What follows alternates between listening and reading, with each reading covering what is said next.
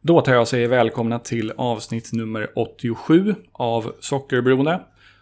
Sveriges kanske enda podcast om nordamerikansk fotboll. Jag heter Johan Dykhoff och i det här avsnittet har jag intervjuat Paul Torres som är en venezuelansk född amerikansk för detta mittfältare som i början och mitten av 10-talet spelade för exempelvis Landskrona Boys, Sirius och Assyriska. Paul Torres föddes 22 oktober 1991 i Venezuelas huvudstad Caracas. Men han är huvudsakligen uppvuxen i området runt Washington DC. Under sina tonår var han en framgångsrik spelare för DC Uniteds akademi och därefter spelade han två års collegefotboll för University of Maryland där han var lagkamrat med ett stort antal spelare som senare kom att bli proffs i exempelvis MLS. Efter två år på University of Maryland ville Paul testa sin lycka som fotbollsproffs och han begav sig då över Atlanten. Efter visst om och men fick han kontrakt med Nyköpings BIS som när Paul kom dit spelade i division 2. Efter två säsonger i Nyköping flyttade Paul söderut till Landskrona Boys i Superettan. Paul tog direkt en ordinarie plats i Landskrona men lyckades inte förhindra dem från att sluta näst sist i Superettan och därmed bli nedflyttade. Därefter väntade ett par år av mycket runtflyttande för Pauls del. Efter en säsong i Sandnes Ulf i norska andra ligan återvände han till Sverige för spel i Sirius, som då spelade i Superettan. Där kom han bara att stanna en halv säsong och gjorde totalt sex matcher för Sirius, det huvudsakligen i form av inhopp. Han flyttade under sommaren 2016 till Assyriska och sedermera inför säsongen 2017 till lokalrivalerna Syrianska. Men efter bara en match där valde han att lämna klubben av personliga skäl och även avsluta spelarkarriären vid bara 26 års ålder. Idag är Paul tillbaka i Washington DC-området. Efter en tid som mäklare kom han att grunda ett slags fotbollsakademi vid namn Next Star Soccer där han idag är VD och en av tränarna. Han har även gett sig in i den lokala restaurangnäringen i Washington DC och 2022 fick en av restaurangerna som han är delägare i vid namn Imperfecto en Michelinstjärna. I den här intervjun pratar vi bland annat om Pauls uppväxt och fotbollens betydelse för honom som barn. Hur han hamnade i Sverige och hans minnen från tiden här varför han la av som spelare vid så pass ung ålder och hans ambitioner inom fotbollen framöver.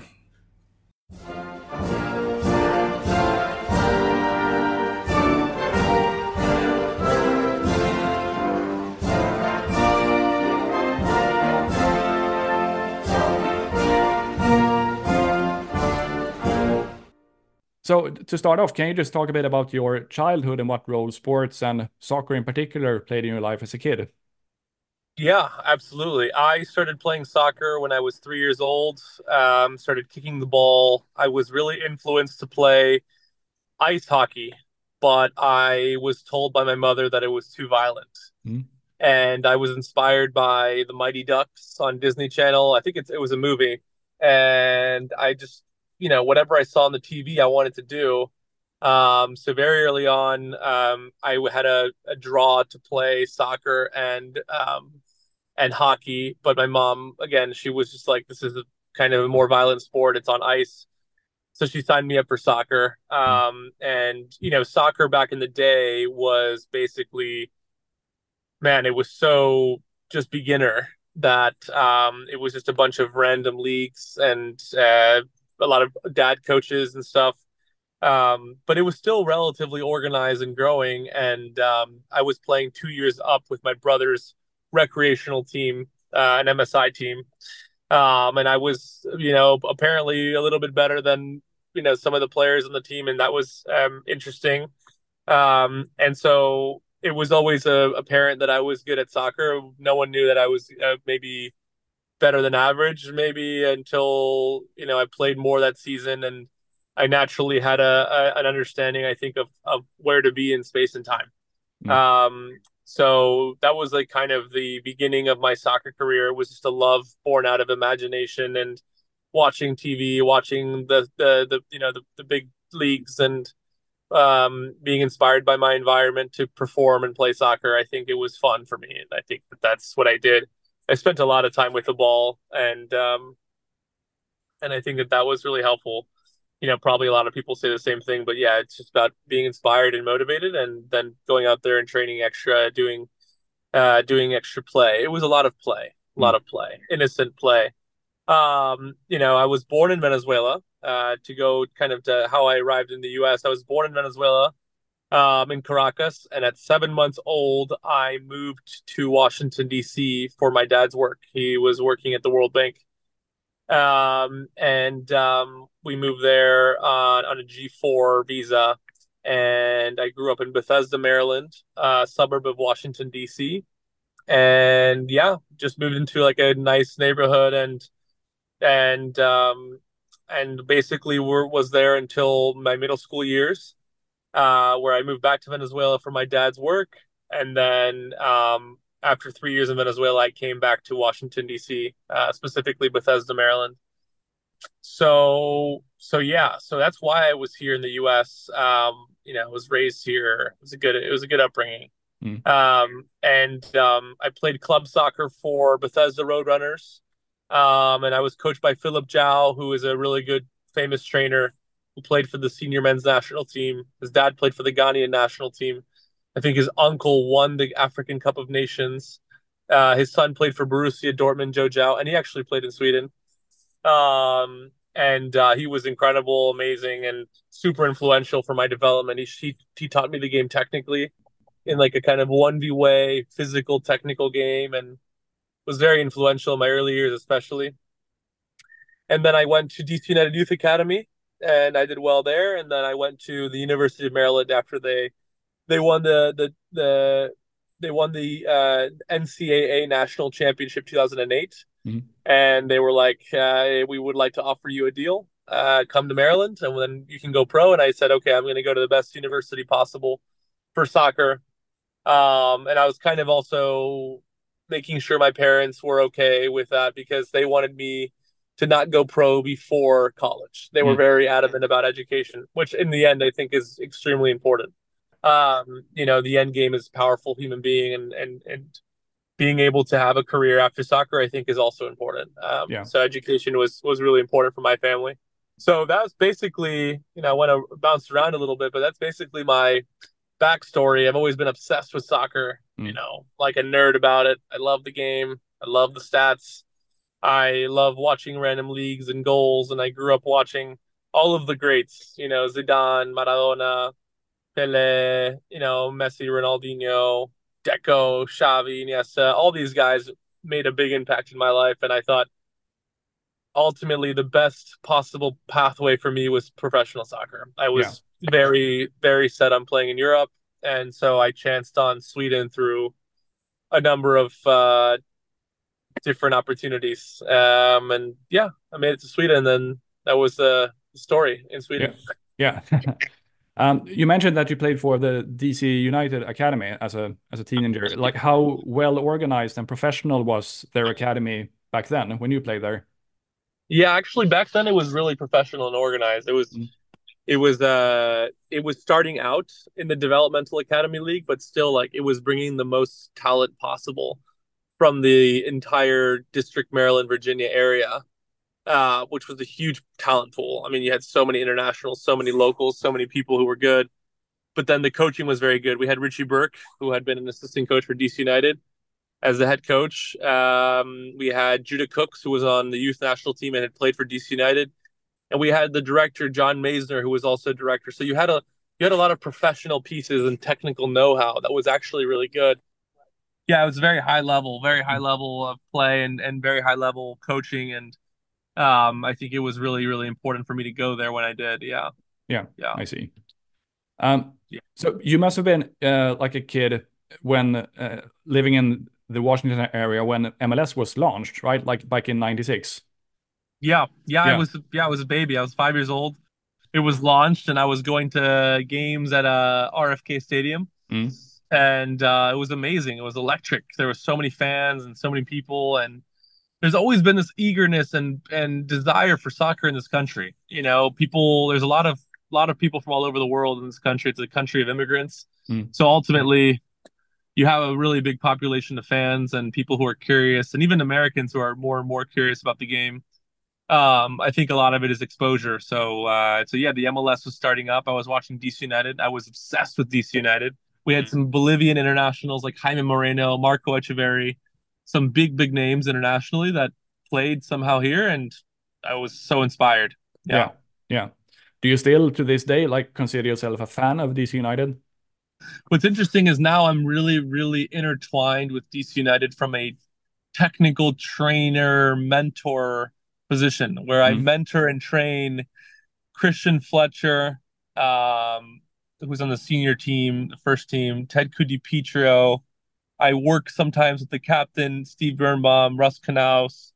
Uh, I mean, they come to our professional training grounds. Um, so we work a lot with those players. So not only am I a fan, but I'm also invested emotionally in the performance of the individual players, um, which is interesting to be on that side now. It's a very different uh, perspective. You're not playing, you're preparing a player on the off season, which is really long. There's an mm. opportunity there, and then you're kind of mentoring young players with the perspective of having played in Sweden and Norway.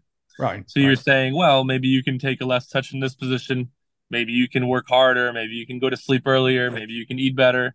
Just, you know, the things a coach would tell you at any level. So it was interesting to interact with players individually. And then they were being coached by Wayne Rooney last year, for example. Oh, yeah. Right. That was an interesting, uh, yeah, I worked I worked the most with Ted Ku-DiPietro, and he scored the fifth uh, the most I think tied for the most goals in the MLS under the age of 22. And. Rooney was his coach and on off days we would train together and and spend time together and I think Rooney was good for him and yeah. So long story short, it is I'm still much a big a big fan. Um you mentioned that you spent some time at the University of uh, Maryland, 2 years to be be precise. Yeah. Uh, like how do you how would you summarize your time there as a uh, student athlete.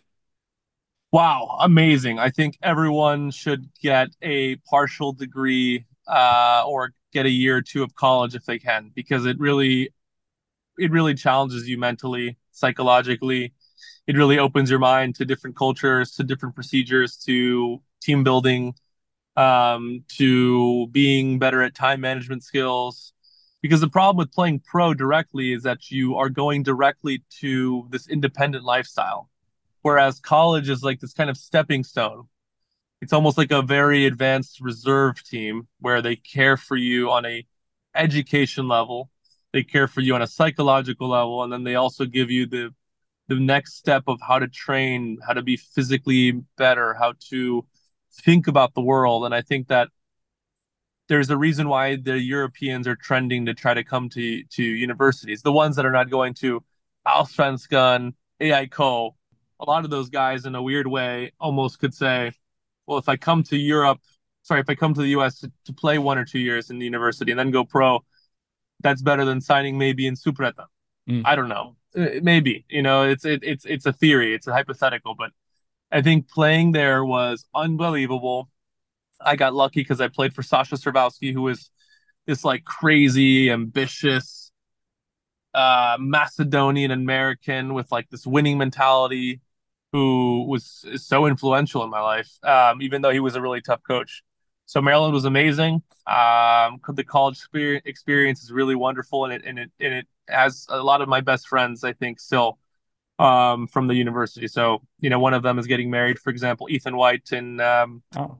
March 16th. He played in the MLS six years, you know, and uh, you know, going to his wedding, and you know, a lot of these guys are are set up for the rest of their life because I think they had football, but they also had, you know, some good practical skills as well. Not yeah. to say you can't have those things without college, but I think it it helps.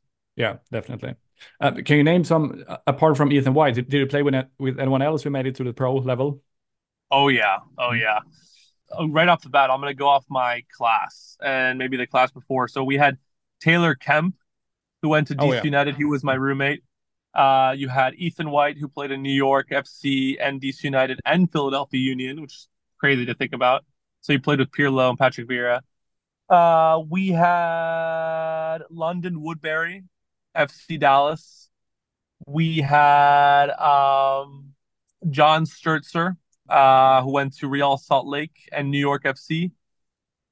We had uh, Widner St. Cyr, Haitian international, went pro. Um, wow, that's just my own class. I can't believe that's just my class. I know I'm forgetting some. Jordan Cyrus played. Uh, I forget the name of the team, might have been USL. Jake Pace, I don't know if he played pro, but he was now the assistant coach at Maryland. Oh. And I think there's one or two other guys from my age group that went pro early. Casey Townsend, perhaps. Casey Townsend was yeah was a year year above me. So Ah, the, the yeah the year above me had so many pros. Yeah, Two years above me. right. And the year below me, also Patrick Mullins, who's an agent now and working with Loudoun United. He scored four goals, the most goals in 20 minutes. He was also my roommate. Mm. Um, and we're actually close, and he lives nearby, and we still get coffees and and chill out with each other. Uh, he played in New York, Toronto, Columbus Crew, DC United. Um, fantastic guy. Then you had, oh man, you had so many guys. Mm. Uh, Casey Townsend, Jason Herrick, Alex Lee, um, Omar Gonzalez World Cup, Graham Zusi World Cup, uh, Zac MacMath still playing in the league a year above me, but Mm. same age group. Uh, Matt Oh wow. Yeah. Yeah. Peru Forbes. Yeah, the list is. I mean, I can go on. It, Yeah. I, it would. It, I would literally be here for like the next ten minutes. Maryland, Maryland. Statistically, I still think could be wrong, but when I was there and afterwards for a while, it still had the number one MLS producing university rate in uh, and pro rate in the entire history of colleges. Oh wow. The last That- like 15 years, yeah. yeah, that's impressive. So that's that's why I went there. Yeah. Yeah. Yeah. Yeah. Uh, so what made your decision to leave college after only two seasons? as as as good as it was uh, to play, I also felt like uh, to to play and get educated. I also felt like I was missing something. Mm. Very genuinely, I felt like I was missing your like I was missing this dream that I had. I didn't. I wasn't feeling the football satisfaction. Like I'm a big nerd, and I've always wanted to play at the highest level. Um, and I thought that if I stay in the U.S., I'm gonna stay maximum at the MLS level. And you could say the MLS level was high in 2009 and 2010, but tactically and technically, and the experience is not the same as Europe. Mm. I wouldn't equate it to even Superettan intensity. You can win and lose, but you can't get relegated. Mm. so the intensity, the emotional intensity, I think could be very high or similar, but tactically and technically, the technical know-how of even high-level coaches in Superettan or even Division One or you know Tippeligaen in Norway, you're still not getting that. So I knew that I wanted to go there. I didn't care what division. I was like, I'm gonna go there.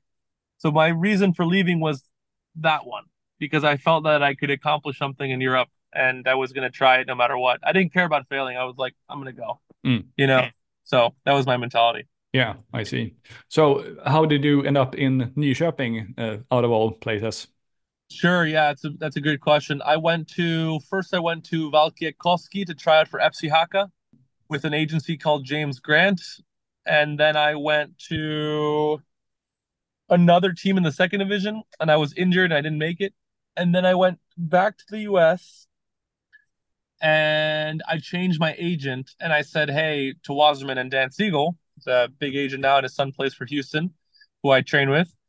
um, I said, "Hey Dan, like I want to go to Sweden. You know, I see Bedoya and uh, Charlie Davies. They've done well. You know, this is the only market that I see that an American can step into. Really, only market at the time. Hmm. I was like, nowhere else. You go, maybe you have like Tim Howard and like three other players in like Division Two here and there, or like a Clint Dempsey, but everyone else is not playing in Europe. Hmm. Right? It was like 20, 20 people maybe. So I said, uh, I want to go that route you know, way more ambitious sounding now than that. Sorry, then than it is now. So then he sends me to Gamla Uppsala in the, in the Division Two for a trial. I don't make it, even though I thought I did well. And then I find out that two players within the same agency who were 92 years of uh, 92 birth year uh, on the national team, Stefan Jerome and Shaq Phillips, they were going to go to Nyköping and they were going to go there under contract. They were going from uh, Cottbus, I think, from Germany, and Stefan Jerome was coming from either Croatia or a failed trial in Germany, but they were very good. So they thought, oh well, we'll give Paul a chance, uh, a look, and uh, they gave me a chance even with an injury. Um, yeah, they gave me a nice chance. So I, I made a three three month provisional contract with them. Yeah, I see. It was Um, basically the only team that would take me. Yeah. So that's actually what happened. Yeah. Yeah. Um, and you spent two seasons with Nyköping, and then you moved to Landskrona in Yep. Superettan, going into the 2014 seasons, where you, Yeah. from what from what I could tell, instantly became like a regular on the team. Yeah. Um, do you regard the 2014 season with Landskrona as your best as a prof- as a professional player? Yeah, yeah, yeah. I think so because that was when I was uh Landskrona was before my injury. I had a injury midway or halfway through the season towards the end of it where I had a benign tumor in my right femur. Mm. Uh, it's called an osteoid osteoma. Couldn't sleep, couldn't do a lot of things. I had to go get operated on. So up until like the end of that season, I was almost the end. I was physically there, mentally there. Could I was able to rest and sleep. Um, and so yeah, yeah, it was my best. Ironically, it was very difficult because of my injury, the firing of the coach Jorgen Jorgen Pedersen, who was great to me. And the club was lovely. You know, the club was lovely. It's just a tough situation. Yeah. And then after that, you sort of like bounced around a bit between different clubs, and even you went spent some time in Norway as well. Uh, can you like summarize what those the following years were like from you, for your from your perspective? Yeah, yeah. Um, I uh, went to Norway to Obos-ligaen, uh, and I went to Sandnes Ulf basically with the idea like, hey, like, you know, these guys have so many great players. They had just been relegated from Tippeligaen, and they have, you know, Anel Raskaj, captain captain of Kosovo. They have Emil uh, Johansson, Hammarby, and uh, former FC Groningen player. They have Hannes Halldórsson, who saved Messi's penalty in the 2018 World Cup. They had all these players, you know, that I was like, I look at their roster, I was like, man, they're this is a great team. They had a, a coach that had just retired, Ben Sæternes, who was coaching third division Spain. They had all these people that I said, man, this team is going to be great, you know. Um, and um, I went there, uh, but I should have had a surgery before then. I basically decided to listen to my doctor here and basically just take pills to sleep. Um, and I made a mistake of not having the surgery out of out of fear that I wouldn't um, I wouldn't start and play minutes because I had to compete against Axel, who was the captain of that team, Norwegian local, uh, Malaury Martin, formerly Blackpool, Monaco, uh, Middlesbrough, and the captain of the youth French uh, team, the youth French national team, number eight, very good player, Mm. and then Anel Raskaj. So I had to compete, and I just didn't want to give away too much time to the surgery. So I went there, I had a great time, but I was injured. I did not have uh, 100% of my capabilities there, but it was still a great experience. And then from there, I cut ties with them because I was told I was going to sign with DC United.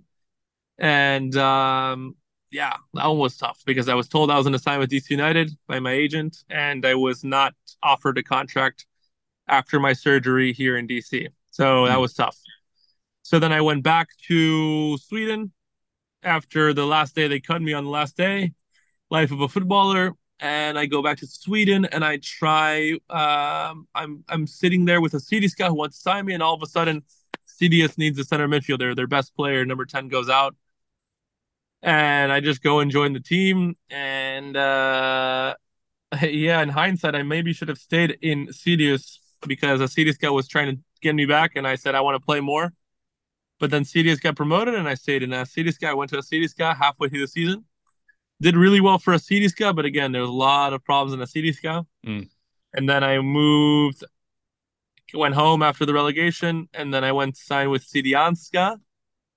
Um, and then in Syrianska, I was just like, I'm, I'm, you know, this is crazy. And I had an injury, and it was just nuts. Syrianska was just nuts. Yeah, it, it it's still to this day. Actually. yeah, the club doesn't make sense. It Oh. just makes no sense. You can't be a normal person at that club. just late salaries. You don't know if they're selling the games or not.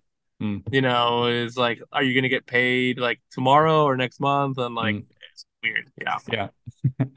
um, I, I've actually had various peop uh, people with connections to Sirius on this podcast. Uh, for instance, a, a friend of mine who is a CU supporter and also a fellow soccer podcaster, um, uh, he told me that you had you at least you made a really great assist on a goal that Ian Sirelius scored. Do you remember that? I do. I do. Yeah. I love that. I love that play. As like one of my favorite plays, and I love Sirelius. Still a good guy, and uh, mm. such a good guy. Yeah, I love. I love Sirelius. I'm still close with Hopkins, Sirelius, uh, Nicholas Thor. Um, yeah, several of those guys. Oscar Johansson. Mm. No, Lucas Johansson. Mm. The goalkeeper. I yeah. love those guys. Yeah. yeah. they're great. It was very. That's a very happy, positive team. It's a very good team. Hard to find a good team like that. That mm. that chemistry was unmatched. Sebastian yeah. Carlson. Yeah, yeah, yeah, yeah. There's a good team. They're doing re- really good at the moment. They're in Allsvenskan, and they I, I would say that they're a, like a established Allsvenskan club today. Yeah, yeah, uh, yeah. It's impressive. Who's uh? Where is the uh, old coach now? The guy. Uh, he was so good when I was uh, there. He was there.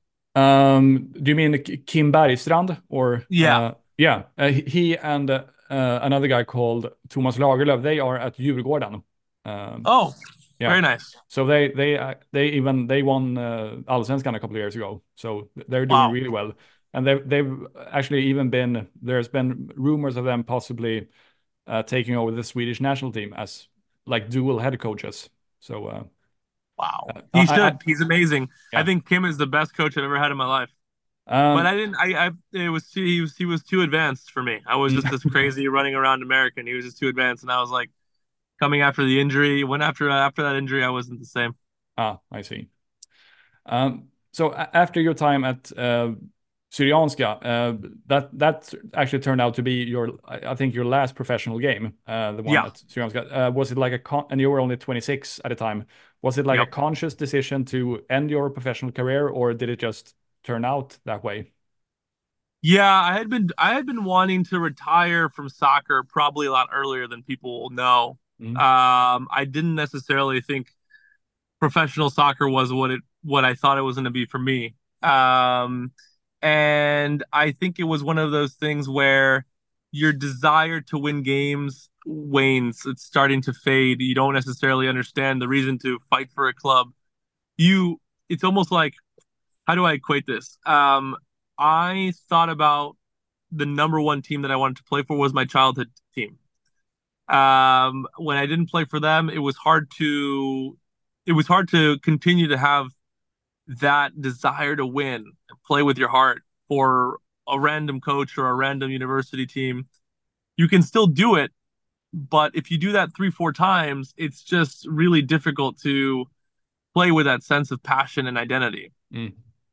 So I remember going to games and driving to Ullevi and random stadiums and being like, fucking hell, like I, I, I want to perform well, but at the same time, I don't I don't know if I care for the results mm. because why do I care about the result? You know, what is what is who am I playing in front of? Why am I playing this game still? And I think a lot of players have those questions and a lot of players don't ask the questions sometimes, but I think a lot of players do. And I think when you don't see the reason to play anymore and you feel like you have something else, maybe that's when you start to have more questions. Yeah. Especially living away from family.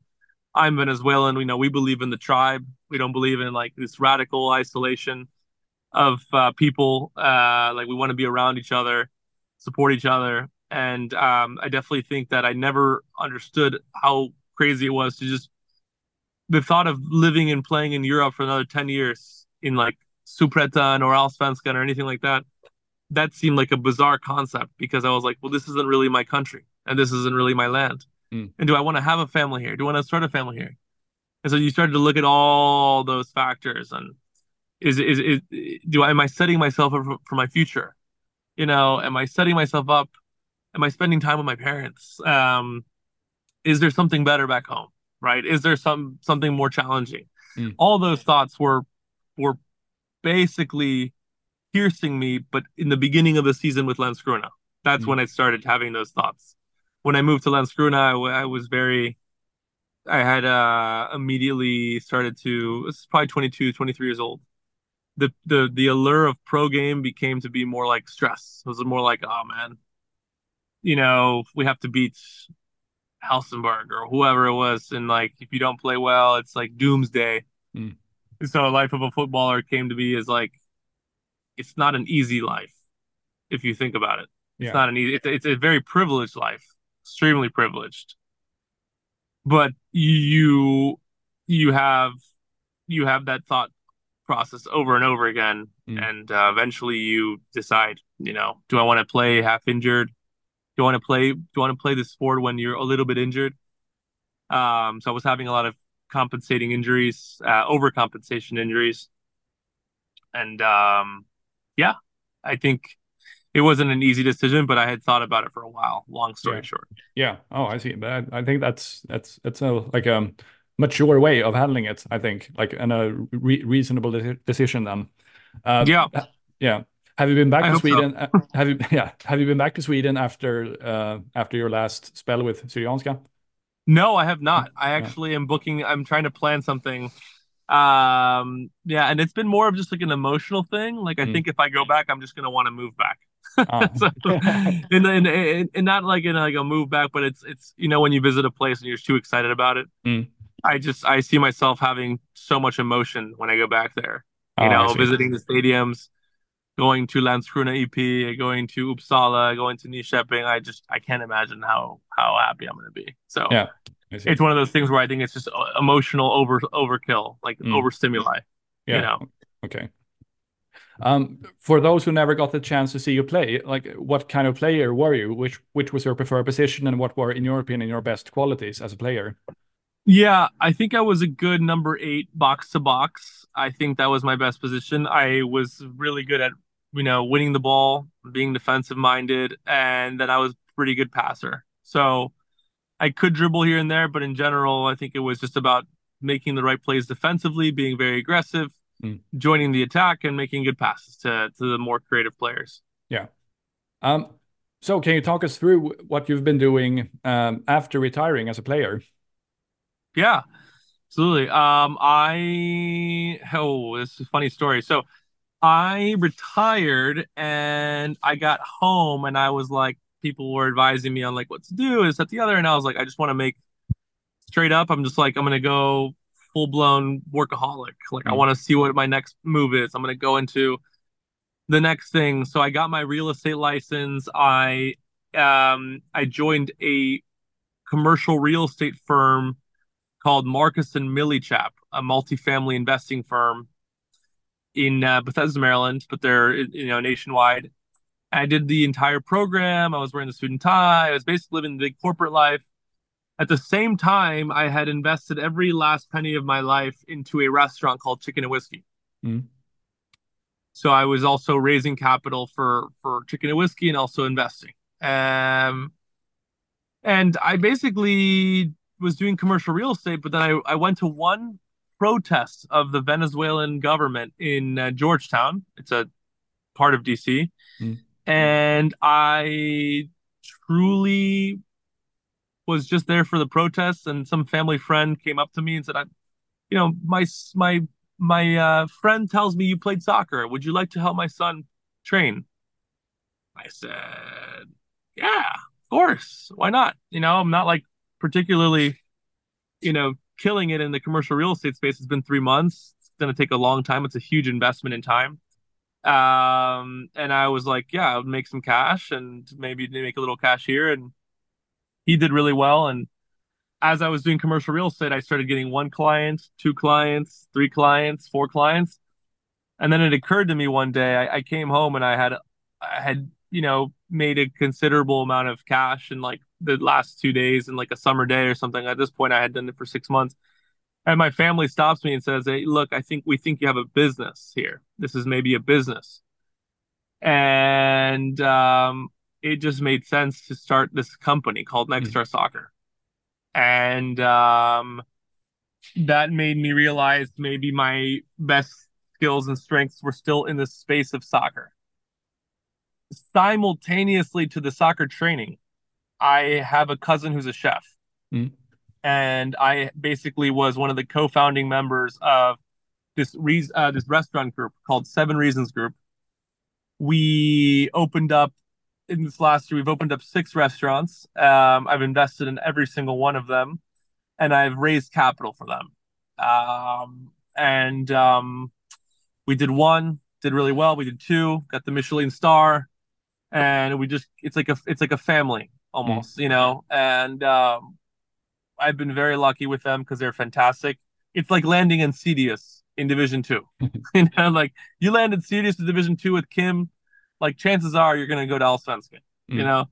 And if he likes you, he likes you. So it's like I landed on Kim Bergstrand and um, and Nicholas Thor as my captain. Like I got very lucky with these guys. Um, so it was a weird blessing in disguise. Um, I came home and all of these things with business and the explosion of the soccer market and the explosion of the hunger for development, player mm. development, where it's still a big, big, big, big, big, big market because there's still uh, not a lot of players who have played in Europe in in the U.S.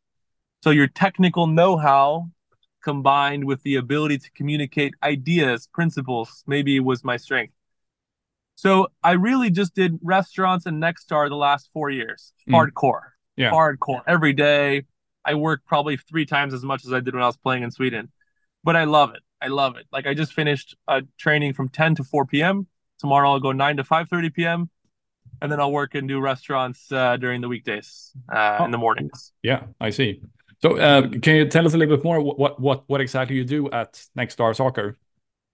Yeah. So I'm the CEO and founder of Nexstar Soccer, and my idea is to motivate, inspire, train, and prepare the next generation of what I would hope to be our world class uh, international products of, of soccer players. Um, they are, you know, it's open to everybody, but my naturally, I'm very attracted to helping the player who I think has a good chance. So, for example, I train and develop players who we send to Frankfurt or Mainz in Germany. We send players to the national teams. We send players to the women's national teams. And our job is to really, hopefully, apply the world's best practices and bring it to the US as an independent supplemental training company. So that is what we do. We have coaches that are professionals. We have uh, clinics with professionals that that help the kids, and it's almost like we're pairing young minds that are curious about the next level with professionals. Mm. Um, and so we have a really good storied product because this is all a philosophy based off of Philip Gyau's uh, early philosophy. And so it's a culmination of contemporary practices with Philip Gyau's, you know, historical, you know, proven case study developing, you know, number two in the draft pick, Wayne Frederick, for example, or Joe Gyau, who played for Borussia Dortmund. You have a kind of a combination of the two worlds saying, well, we, maybe we can help somebody. It's just an active training technical service to the community in in the DC area. That's yeah. what next starts. Yeah. Cool. Hopefully, uh, it's a motivating force. Yeah. Uh, do you aspire to coach at like I don't know the college level or perhaps even the pro level in the future? You know, it's weird. I've been asked uh, to coach at the professional level, and I've been asked to coach at the collegiate level, and I've been asked to coach at the youth level. And it's one of those things. It's like, well, when I retired, it was one of those things where, you know, I still had the chance to come back and play in Superettan or a trial in Division One or wherever it was, even two, three years after. If you don't take it, it's a sign, I think, that you mm. don't want it. You know what I mean? And so I'm really curious about the development of an individual company um, as a service, potentially as an agency, potentially as just a training service. I'm interested in that philosophically for my own being, for my own well being and I'm curious to be the full owner of that and see where it goes. I mean, it, it, it might it might be way better to be a coach. Yeah, hypothetically, that is the goal for many people outside of soccer. Sorry, who retire from soccer. For me, I I don't feel that desire to be on the field to coach the player. I want to mm. be a mentor to somebody in a way that makes sense for them and maybe out of the 30 that you mentor two of them make it to a certain level and you you play a, a consultant role almost in their life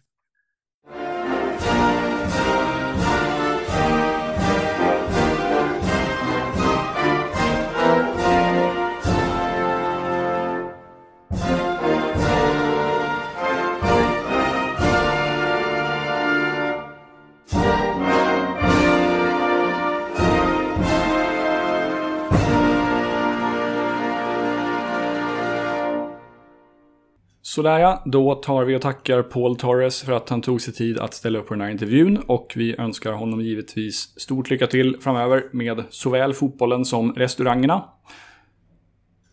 Tack så mycket för att ni har lyssnat på det här avsnittet. Ta hand om er så hörs vi igen framöver. Tja tja!